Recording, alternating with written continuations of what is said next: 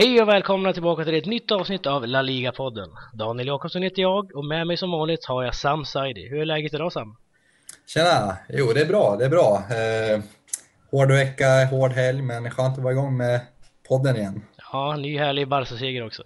ja, precis. Ja, och med oss denna vecka har vi även Alexander Ivanovski från Atletico Madrid-redaktionen. Allt bra med dig Alexander? Ja, var det en kuggfråga efter helgens eh, match? ja, det var väl en rak fråga kanske, till och med. Jag har nästan aldrig varit bättre i mitt liv. Okej, men härligt. Eh, men berätta lite grann om dig själv då. Du håller alltså på Atletico Madrid. Eh, vart kom det intresset från, från början? Um, ja, intresset började ju för, vad blev det nu, typ 12-13 år sedan. När eh, de började visa La Liga på TV4 Plus, som det hette då. Mm. Eh, så var det då, ja jag, jag såg olika lag. Jag, jag kollade lite på Atletic Club. Eh, det var eh, Atletico då. Sen så, det var lite Sociedad också med Nihat och, och grabbarna där. Um, så jag kollade, jag vet inte, jag, fast, jag såg aldrig de här primetime-matcherna. Man så med Real och Barca och... Nej, du fastnade för ligan lite generellt kanske man kan säga. Ja, ja alltså jag, jag, jag följde, jag följde, eller följde men jag kollade på, på alla matcher jag kunde för jag hade liksom inte de här Kanal Plus och Nej. allt vad det hette. Så men när, när det var fotboll på, på, så, på fri TV så kollade jag liksom allting, allt som gick och sen eh, så kollade jag Atletico. Så, mm. så det var liksom inte så att, att vi vann varje match. Så att eh, mm. det var ju lite spännande. Alltså, det är inte så att vi vinner varje match nu heller. Men det är inte lika stabilt. Alltså det, det, var inte alls lika stabilt som det är nu under Simeone. Nej. Så det, det, det, blev väldigt känsligt att kolla på matcherna. Och sen så var det självklart, som säkert många andra, när Fernando Torres kom upp eh, precis där i början. Ja, precis. Eh. eh Ja, men det kan väl räcka, kan jag gissa. men jag ska tillägga att jag gillar hela La Liga. ja, precis, det gör vi alla såklart. Uh, vidare tänkte jag berätta att i det här, den här veckans avsnitt av eh, La Liga-podden kommer vi gå igenom lite lätt om den tredje omgången.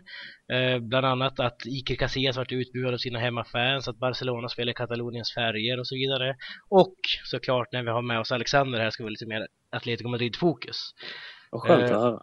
Ja, precis. Jag tänkte att vi direkt ska hoppa in i hetluften med den tredje omgången där vi hade ett nytt Valencia kan man säga den här omgången, eller den här säsongen till och med. Besegras av Espanyol med 3-1 och min fråga är lite stort är, har nu Espirito Santo nu fått ordning för det här turbulenta Valencia som har varit några säsonger? Vad säger du Sam? Ja, det, ja, det, det är lite för tidigt att säga, men det, det, jag kikar faktiskt de här tre matcherna eh, från Valencias sida och eh, jag kan säga att det ser väldigt bra ut. Det, ser, det, ser, det känns väldigt fräscht för det första och eh, många sådana här spelare som jag tänker på Parejo Eh, Eh, och Piatti. Det känns som att de har tagit ytterligare steg. Och så har man liksom lyft, kommit med Paco Alcacer som vi var inne på förra veckan. Eh, med sådana här intressanta spelare som kommer underifrån eh, som har också bidragit väldigt mycket. Så att det känns som att de har någonting intressant på gång. Men frågan är ju om det här intressanta ska blomma ut till något väldigt bra. Det är ju alldeles för tidigt att säga. Mm, precis, spelare som Dani Parejo som du är inne på och eh, Paco Alcacer. Det är Pablo Piatti, det är en spelare som inte riktigt har varit någonting fram tills i år på något sätt. De har alltid varit ganska lovande, framförallt Piatti och eh, Parejo tänker jag på. Men nu har man blommat ut och eh, ja, har han fått ut någonting extra av de här spelarna? Vad, vad tror du Alexander? Um, alltså speciellt Piatti har jag, har jag följt ganska, ganska länge sedan han spelade i Almeria. Då, då var han... Då Atletico var intresserade av honom. Uh, innan där med Simeone, jag tror det var antingen när vi hade Kiki Sanchez Flores eller precis där när Massano kom in i ett halvår. Kommer inte riktigt ihåg när det var. Men uh, det var en spännande lirare och väldigt um, väldigt intressant i och med att han var lite kort och, och fin teknik och sådär. Men mm. eh, sen så gick han till Valencia och så köpte vi, jag tror det var Arda istället. Det lär ni inte ångra. Nej, så med all respekt för Valencia men Piatti blommar inte ut lika mycket som Arda gjorde i Atletico mm. första mm. säsongen. Men nu har han å andra sidan, han har blivit den här spelaren som man hoppades på när man värvade honom från början. Och nu ser han ut att vara, som precis hela Valencia, ett segertåg på något sätt. De har vunnit två raka matcher, obesegrade hittills, så ja, det ser bra ut. Ja, det, det, det, ser definitivt bra ut, men jag tycker ändå Alexander eh, har helt rätt i sin analys här att eh, jämför man till exempel med Arda Turan där och om man ställer dem mot varandra så har ju Arda verkligen utvecklats mycket mer än, än Piatti och liksom Ehm, och man hade kanske förväntat sig lite mer från Piatti. Ehm, han har alltid varit en stabil spelare och i Almeria var han outstanding många gånger. Men ehm, man hade ju hoppats att han skulle ta ytterligare ett kliv i Valencia och frågan är om han gör det i år. Jag tycker det är för tidigt att säga, men definitivt baserat på de här tre omgångarna så ser det otroligt lovande ut. Eh, alltså jag, jag vet inte om, om man kunde förvänta sig samma effekt, men när, eh, när Pizzi tog över Valencia så jag ska inte säga att jag trodde på exakt samma sak som Atletico Simeone, men jag trodde ändå att, att man skulle bli, om man säger, ett stabilare lag. Alltså, nu menar jag inte att de ska göra som, som Simeone liksom, men jag trodde ändå att, att förra säsongen, när Pizzi kom, att det skulle bli som denna säsongen av de här tre matcherna vi har sett när, eh, som du säger, eh, Paco Alcacer och, och liksom har om man så har blommat ut. Att de har blivit det som de förväntades att bli. Mm. Så att jag, jag, tror absolut att, att det kan komma denna, eh, denna säsongen. Men som sagt, herregud, vi har spelat, vad är det, fyra matcher? Ja, tre omgångar. Precis, ja tre omgångar. Så att... Eh, ja, ja snart det... fjärde. Så att det, det är fortfarande för tidigt att säga som, som Sam sa, men absolut, nu ska jag inte...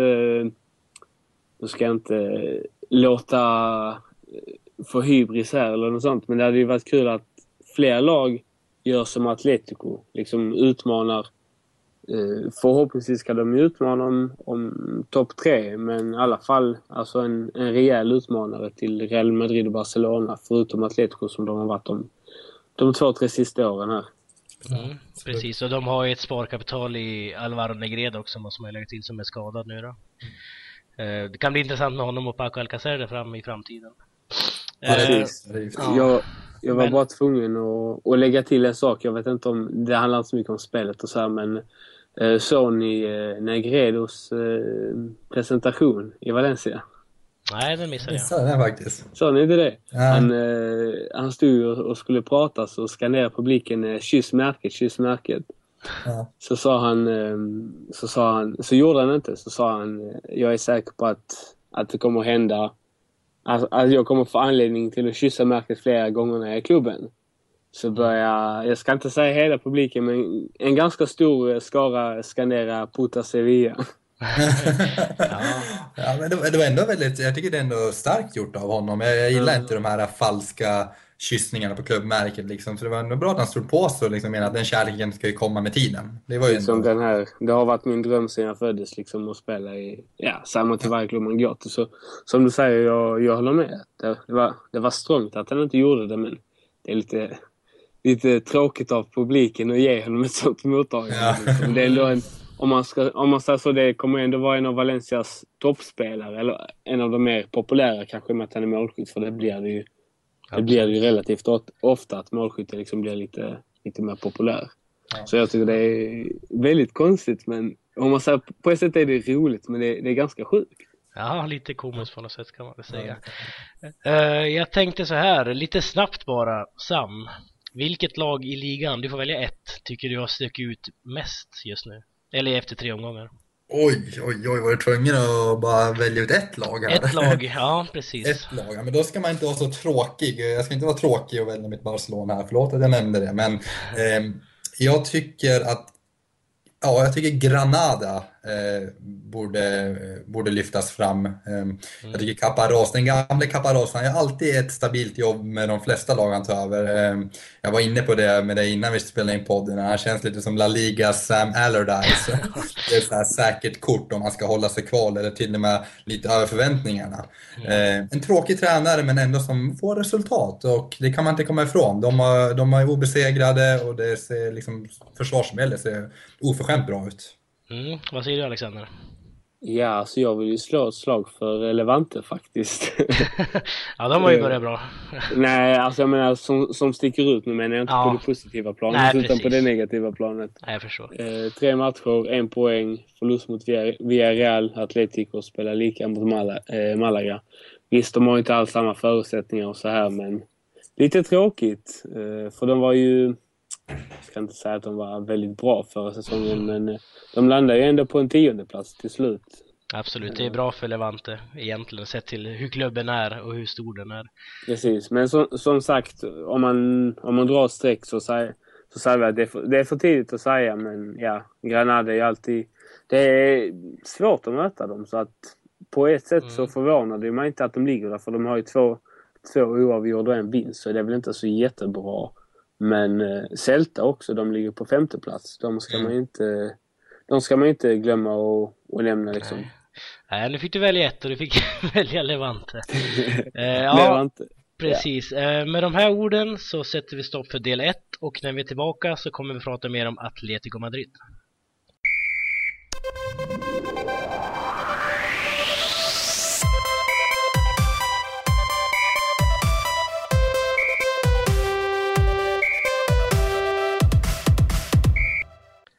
Kommer tillbaka med del två och i den här delen kommer vi ha mycket Atletico Madrid-fokus nu när vi väl har experten Alexander Ivanovski med oss här från Atletico Madrid-redaktionen.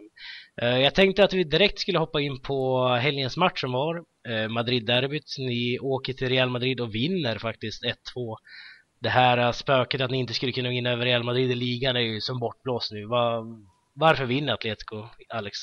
Ja, alltså först så tänkte jag säga att det var ju en, en väldigt väntad vinst ju. Um, det var kaxigt. nej, jag skojar. Det var det faktiskt inte. Skämt åsido um, så var jag... Um, jag var faktiskt rädd för hur det skulle se ut. Uh, speciellt innan jag fick uh, startelvan, om vi börjar så långt bak. Mario hade gjort två, tre riktiga plattmatcher om jag ska vara helt ärlig. Eh, Mario Suarez som spelar med Thiago på, på mittfältet och mycket bolltapp och, och så här, Så jag, jag var ju lite orolig men Thiago ersatte honom och, och gjorde det ju mm. väldigt bra. Eh, inte bara målet utan rent spelmässigt också. Han fick ju en sjua i Marca som var bäst tillsammans med Miranda. Eh, efter Ardas fick 7,5. Eh, men eh, jag trodde jag vet inte om det är lite uttjatat men jag trodde Real Madrid skulle vara bättre. Ja, um, självklart så har det varit mycket om, om Casillas den senaste tiden att han kanske inte är så bra på hörnor och fasta situationer medan det är Atleticos stora, alltså deras styrkor, en av deras eh, största styrkor. Mm. Men eh, ja, så jag vet inte. Själva, själva matchbilden var väl det väntade. Eh, Atletico tog ju ledningen och sen så hade ju, ju Madrid mycket, eh, speciellt första halvlek när Atleticos spel var under all kritik. Speciellt Gabi som, som jag gav en 1-betyg då han mm. inte skötte pressspelet alls. För han är ändå en, en väldigt viktig spelare i, i Atletico i, i pressspelet. Men i, i andra halvlek så blev det bättre, speciellt när, um, när Arda och, och Griezmann kom in också. Mm. Och de, de bytte ut Raúl Jiménez som inte alls har kommit in i, i klubben liksom. Nej. Eller i, i, laget. Men han är ja. ny å andra sidan. Precis. Eh, vad säger du då Sam? Varför vinner Atletico Madrid den här matchen? Eh, de är ett bättre kollektiv, är enkla, eller enkla och korta svaret. Eh, men det är också det som är det stora och mer komplexa svaret. Det Simone har byggt upp ett kollektiv eh, som är få förunnat att titta på. Alltså det är helt fantastiskt att se hur han, har, hur han lyckas förmedla sina budskap och hur det visar sig på planen varje gång så tydligt hur det här är en lagmaskin. Hur det är Simones filosofi som styr och spelarna bara anpassar sig efter vad han säger. Eh, Atletico må ha nya spelare, många nya spelare och ska få ihop ännu ett nytt lag. Man tappar väldigt tongivande spelare som vi var inne på. Men, eh, som vi var inne på flera, eller på några program sedan. Och eh, jag tycker ändå att Nej, de har fått till det väldigt bra, värvat smart och det här är en triumf av Simone och hur man har värvat. Eh, oväntat skulle jag inte vilja säga, eh, men ändå inte väntat. Det är någonstans där ett mellanting. Eh, Atletico är ett lag att räkna med, eh, fast Real Madrid av historiska skäl och på pappret så hade man förväntat sig kanske en Real-vinst, men ändå inte. Så att, det är svårt att säga, men starkt kollektiv, det är, det, stora, det, är det, det är svaret på varför de vinner. Mm. Vann man rättvist Alexander, liksom, tycker du? Eh, om, om resultatet var rättvist? Ja, precis. Uh, nu ska jag faktiskt vara ärlig och säga att uh, om man ser till matchbilden, uh, till stora delar av matchen så var det inte rättvist. Uh, Real Madrid hade ju, hade ju det mesta och hade, ju, hade flera chanser, men både Moya gjorde ett par fina räddningar samtidigt som eh, vissa avslut gav mer att önska. Eh, men i grund och botten så sa jag Ancelotti att eh, det hela berodde på en sak som Atletico hade som Real Madrid inte hade.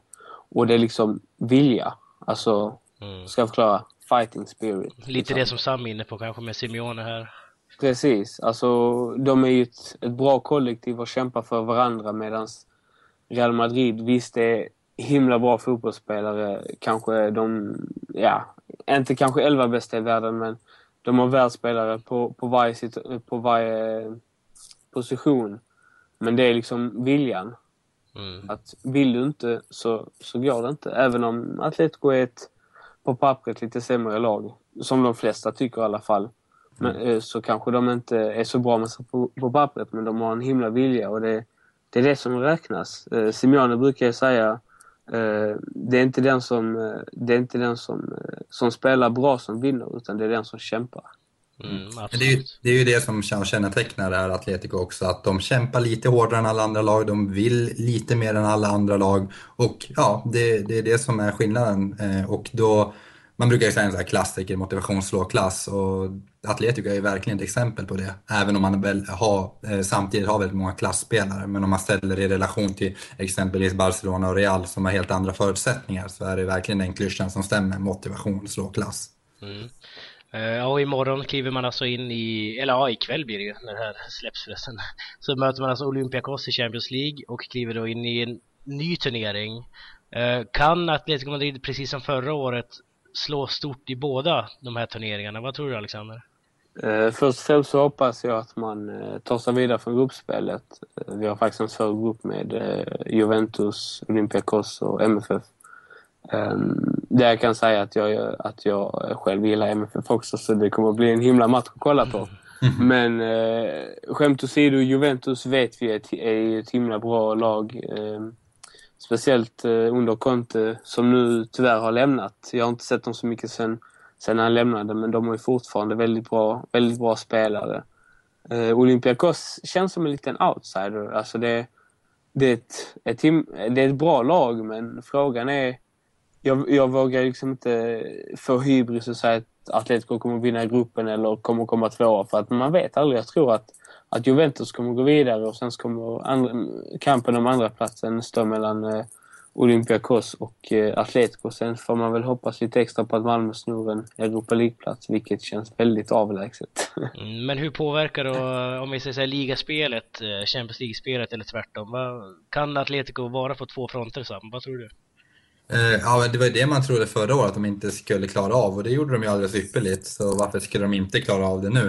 Eh, men jag skulle faktiskt vilja vända mig mot Alexanders analys här. Eh, att jag tror att, och det är kanske för att när man, när man håller på ett lag så vill man inte få, som du säger, lite hybris eller ta ut något i förskott. Men jag tror att Lepio kommer gå igenom den här gruppen och de är klara favoriter. Och jag håller inte Juventus så starka utan det, det, Atletico tar den här gruppen. Sen kommer det stå mellan Juventus och Olympiakos om andra platsen.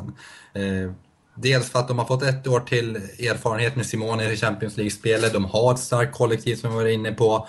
Ehm, så att jag, jag, kan inte tänka mig att de inte ska gå vidare ur gruppen och att det ska stå på spel ens. Men eh, ja, det kanske blir så. Men om man kollar på det större perspektivet är jag inte så säker på hur långt de kan gå. Eh, nu vet ju alla lag hur bra de är och alla lag kommer inte underskatta dem mer, eller om, om någon så gjorde det förra året. Utan nu vill alla slå Atletico helt enkelt och det kommer bli tufft. Ja precis, det är ju en, säsongen är precis till starta, vi vet inte riktigt hur det kommer urarta det här i slutändan. Men, eller arta. Eller arta, precis. det kan ju gå bra också. Eh, Atletico Madrid då, jag tänkte en annan grej, förutom kollektivet här. Eh, man är väldigt starka hemma på Vicente Calderon. Inte förlorat sedan eh, 5 maj 2013, vilket är alltså med, ja, man gick helt obesegrade förra året då, i ligan och eh, förlorade mot Barca tror jag det var, 2012-2013. Eh, är nyckeln till framgång eh, hemmaspelet på Calderon? Vad tror du Alexander?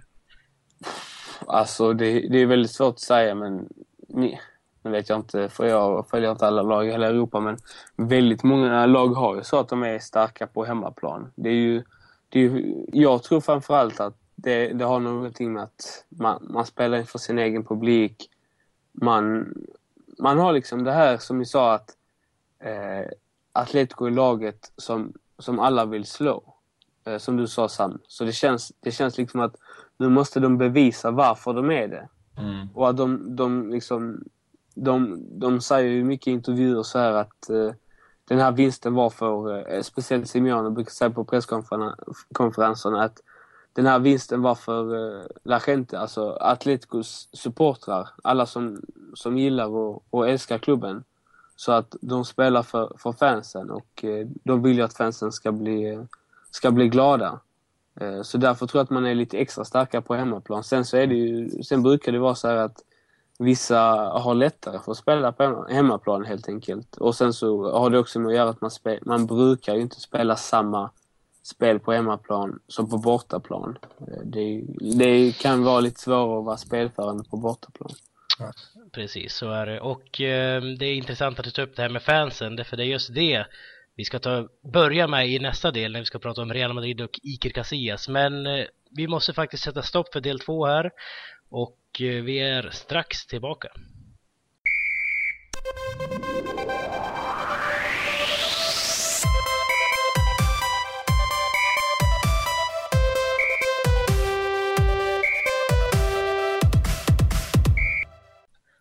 Tillbaka med den tredje och sista delen av La Liga-podden för denna vecka.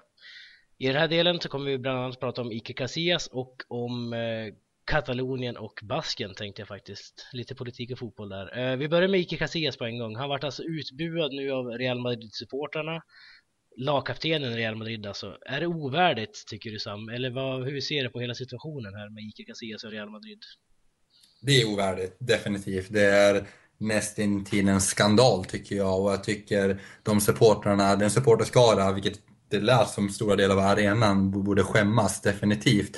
Eh, det är svårt att inte börja reflekt eller tänka på sin egen klubb, eh, och hur det skulle kännas om någon skulle bli ut Carles Piol eller Xavi oavsett om med är en dålig match eller någonting. Alltså det, det är ju det är ett hån liksom. Det, så där får man ju inte bete sig mot en sån klubbikon som har, som har gjort så mycket för klubben och liksom varit trogen klubben hela vägen och han, han verkligen han, han andas ju hela det här Real Madrid på något vis.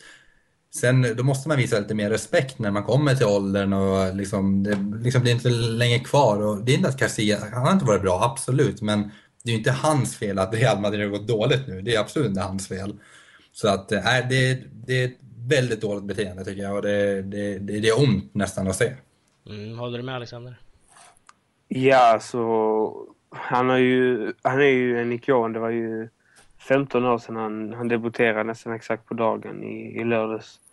Eh, och han har gjort 711 matcher i, i Real Madrids tröja. Eh, nej, jag ska 683 matcher. Mm. Släppt in 711 eh, mål. Eh, vilket är... Det, alltså... Ska förklara. Jag tycker det, han får oförtjänt mycket skit för att...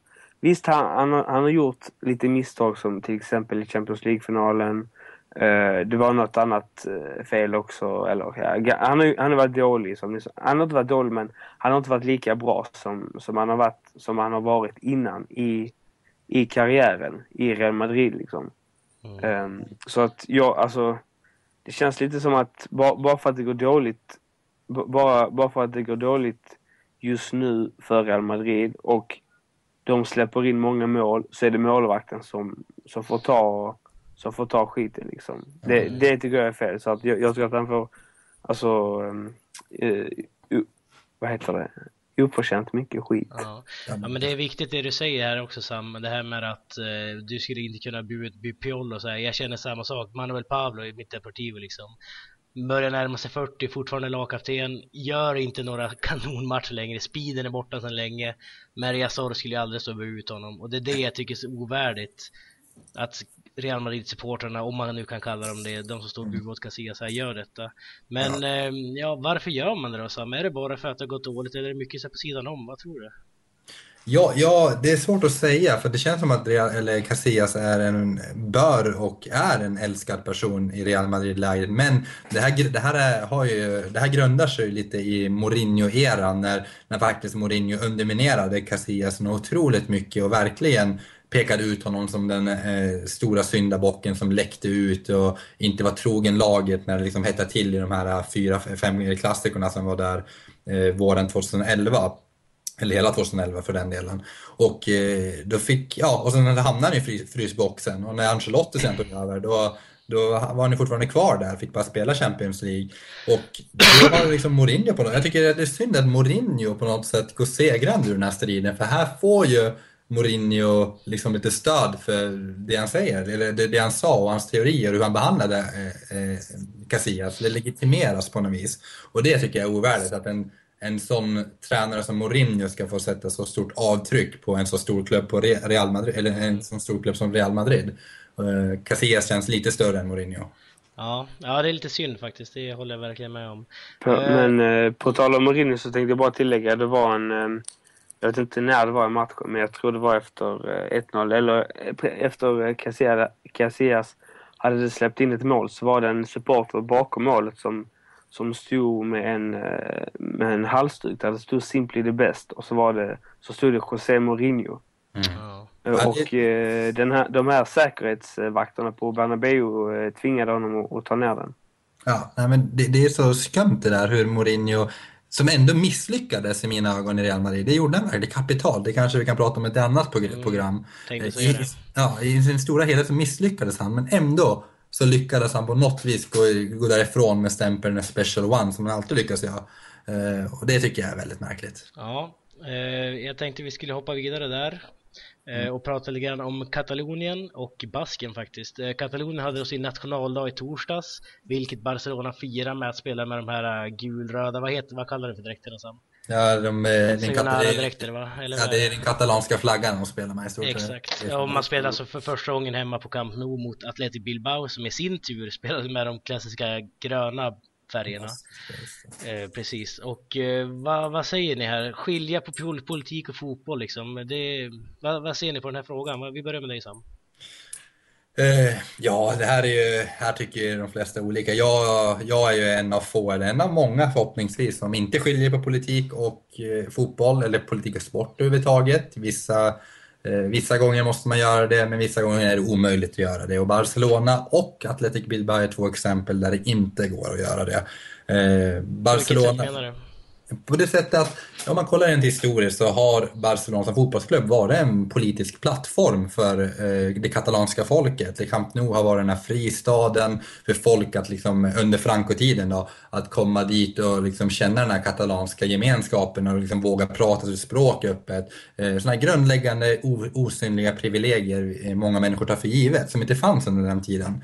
Eh, så det här grundar sig historiskt. Eh, sedan så är jag ju också en förespråkare om att eh, om, att, eh, om små stater, på, inte små stater, jag är emot nationalstaten rent politiskt. Liksom jag, jag supportar det där katalanska självstyret på mångt och mycket. Men det finns också en sida som inte gör det där själv, för att den grundas, jag tror den här rörelsen tyvärr grundar sig i någon slags egoism, att det kommer från en, en dålig tid där liksom ekonomin har varit dålig i Spanien som helhet och då, och e- eftersom Katalonien också är en av de rikaste regionerna så tror jag det här också grundar sig i ett ekonomiskt missnöje och det tycker jag är lite fult och fegt liksom. Men eh, rent politiskt så liksom är det helt omöjligt att inte förknippa FC Barcelona med, poli med politik. Det går liksom inte.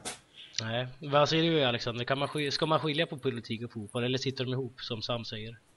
Eh, jag tycker att man, alltså rent generellt så tycker jag att man ska, att man ska skilja på det. Men eh, som, som Sam också säger, eh, Barcelona har ju alltid varit, eh, varit eh, ka, eh, Katalonien liksom och går man ut med La Señera som då är deras flagga, Kataloniens flagga, om de har den och eh, eh, vad heter de, Atletic Club går ut med Icorinha så, eh, med deras flagga då, så känns det lite jag vet inte, Spanien i ett nötskal. Mm. Om, om jag får uttala det så. Jo, alltså, absolut, det gör det. Jag, jag, jag, ja, förlåt, fortsätt. Nej, alltså jag, jag tycker att man ska hålla fotbollen för sig och så vidare, men jag menar, det, det är inte så ofta som, som de andra, visst nu är det för att de vill bli självständiga och så här, men det känns, det är inte ofta de andra klubbarna kanske gör sin eh, match, match, eller matchställ. Efter, eh, jag menar, eh, vad jag vet i alla fall så är det väl eh, till exempel i Andalusien så kör ju inte Malaga kanske med Andalusiens flagga. Det vet jag faktiskt inte. Men... Nej, den är grönvit så det gör de ju inte. Nej, vi, ska, vi ska ju också komma ihåg eh, att de här regionerna är lite speciella också. Det är ändå Katalonien, Baskien, liksom, så det beror lite på det också. Men vill man ha ett katalanskt lag eller vill man ha en egen liga eller vad är man ute efter egentligen här nu? Eh, det är klart man inte vill ha en katalansk liga, det är inte det det handlar om, utan det handlar ju om någon slags eh, självstyre, precis som Monaco liksom i, i stora drag har. Eh, men det är det som gör mig, mig som supporter lite kluven. För att Barcelona, eller Katalonien har till mångt och mycket väldigt mycket självstyre utan eh, det har de. de, har, det, det, makten är decentraliserad vilket innebär att Katalonien har ett parlament och ett självstyre precis som liksom, sta, eh, staterna i USA har. Liksom. Mm. Men nu vill man ju ta det där ytterligare steg eftersom man inte har full kontroll på den ekonomiska biten och det är där jag tror att den här rörelsen grundar sig i någon slags egoism och det tycker jag är synd att det inte är den här katalanska identiteten och katalanska strävan efter liksom, eh, självständighet som ändå driver många människor. Det, det är liksom min hypotes lite. Mm, så att på vissa plan kan man alltså ta politik och fotboll där de andra Ja, men... Eh, ja, eh, jag tänkte att vi skulle runda av det här avsnittet faktiskt med den klassiska veckans Tokuero och veckans Faubert. Eh, vem är veckans Tokuero Sam och varför? Veckans Tokuero, den går till Atletico Madrids högerback Juan Fran. Oj, oj, oj vad jag har hyllat den här mannen så mycket på slutet här, eller senaste åren faktiskt. Och nu krönande med en fin assist, även om jag tycker att det där överhoppet, om det var från Raúl Garcia eller vem det var, som är nästan mer elegant. Men han gör så otroligt stabila insatser och det är inte bara att han är stabil, han, han är bra varje match känns det som. En sån här spelare som gör jobbet och gör det så himla bra. Han utvecklas enormt under Simone så att ja, nu är det dags att hyllas också tycker jag. Mm, en typisk Manuel Pablo med andra ord. Eh, veckans Faubert då? Vem har vi där? Eh, veckans Faubert är ganska enkel att utse. Real Madrid-supportrarna eh, på Bernabéu denna kväll som buade ut Iker Casillas. Ovärdigt, det är pinsamt och man skäms. Även om man är Barcelona-supporter så skäms man. Mm. Eh, tycker du listan fungerade bra, Alexander? Höll Vad sa du? höll listan måttet så att säga? Uh, ja, jag hade väl gjort lite korrigeringar på veckans Tokero men uh, utan att, med den här rivaliteten med Atletico Real så tycker jag absolut att uh, veckans förbär får vara uh, Fondo Sur eller vem det nu var som, som bud Casillas. Um, men veckans Tokero skulle jag faktiskt säga var uh, Arda Turan. Även om man inte Även om man inte spelade hela matchen och han var liksom inte... Han, han, gjorde liksom inte säsongens insats, men han har, han har liksom inte spelat en tävlingsmatch med Atletico på fyra månader och mm. kommer in och tillsammans, i och för sig då med, med Griezmann, och ändrar matchbilden. Mm. Eller inte ändrar matchbilden, men stabiliserar Atleticos spel så mycket som man gör. Absolut. Inklusive att han avgör matchen. Det, Precis. Eh, ja, det vart ju Atletico Madrid oavsett på veckan som sker med andra ord. Eh, och där sätter vi faktiskt stopp för den här veckan och tack så jättemycket Alexander för att du ville vara med. Och tack, tack för... tacksam också för den delen. Vi tack. andra vi syns och hörs och om en vecka tänkte jag säga. Tack, hej. hej.